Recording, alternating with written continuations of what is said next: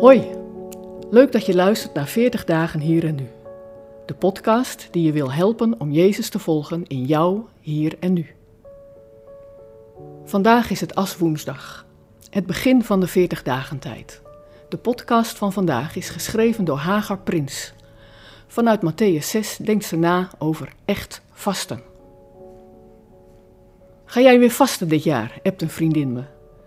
Drie jaar geleden ben ik ermee begonnen, met eigentijds vasten. De eerste keer stopte ik 40 dagen met alcohol drinken en vorig jaar koos ik voor een social media blok. Niet alleen om in al die momenten van gemis bewust stil te staan bij mijn gebrokenheid en Jezus offer voor mij, maar ook omdat ik het een mooie manier vind om te getuigen van mijn geloof.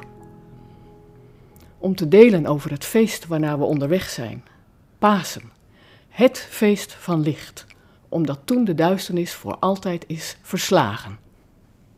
En dan lees ik vandaag, op deze aswoensdag in Matthäus 6, deze woorden van Jezus. Wanneer jullie vasten, doe dan niet als de huigelaars met hun sombere gezichten, want zij vertrekken hun gezicht om iedereen te laten zien dat ze aan het vasten zijn. Ik verzeker jullie, zij hebben hun loon al ontvangen. Maar als jullie vasten, was dan je gezicht en wrijf je hoofd in met olie, zodat niemand ziet dat je aan het vasten bent, alleen je vader die in het verborgene is. Keurt Jezus hier nou het openlijk vasten af? Heb ik de afgelopen jaren de plank zo misgeslagen?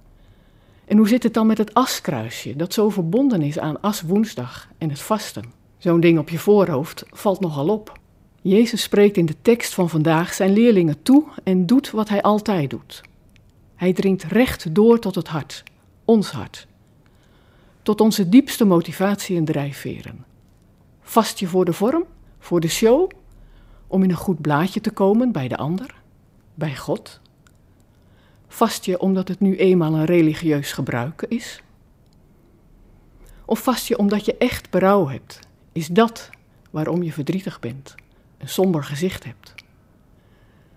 Jezus legt hier de vinger op de zere plek en bevraagt ons op onze diepste drijfveren.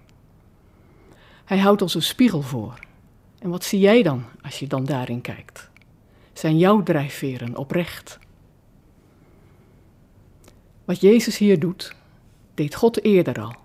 Lees Jesaja 58 er maar eens op na. God klaagt het volk Israël aan. Hij veracht hun manier van vasten en bevraagt het volk. Vasten jullie voor de vorm of vast je echt op een manier zoals ik dat graag zie? Door de hongerigen te schenken wat je zelf nodig hebt en de verdrukten gul te onthalen. Het volk kijkt in de spiegel en wat ze daar te zien krijgen is confronterend. Ze denken God te dienen door Hem te zoeken en zich te houden aan alle regels. Maar in hun hart is er geen liefde voor de mensen om hen heen, voor Zijn schepping. God prikt daar dwars doorheen. Deze tekst uit Isaiah 58 leert me drie dingen. Dat God onze intenties doorziet, welk vaste God verkiest en welk effect dat mag hebben. Want Jesaja 58 vers 10 gaat verder. Wanneer je de hongerige schenkt wat je zelf nodig hebt en de verdrukten gul onthaalt, dan zal je licht in het donker schijnen. Je duisternis wordt als het licht van het middaguur. Zo kan er van mijn vasten toch een getuigenis uitgaan.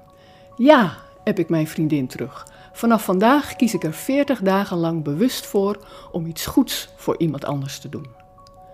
Zo wil ik mijn licht in het donker laten schijnen en getuigen van het feest van het licht. 40 dagen, 40 lichtpuntjes. Doe je mee?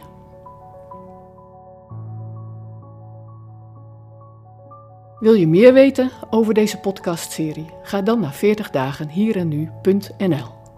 Voor de Bijbelteksten in deze podcast gebruiken we de NBV 21 van het Nederlands en Vlaams Bijbelgenootschap.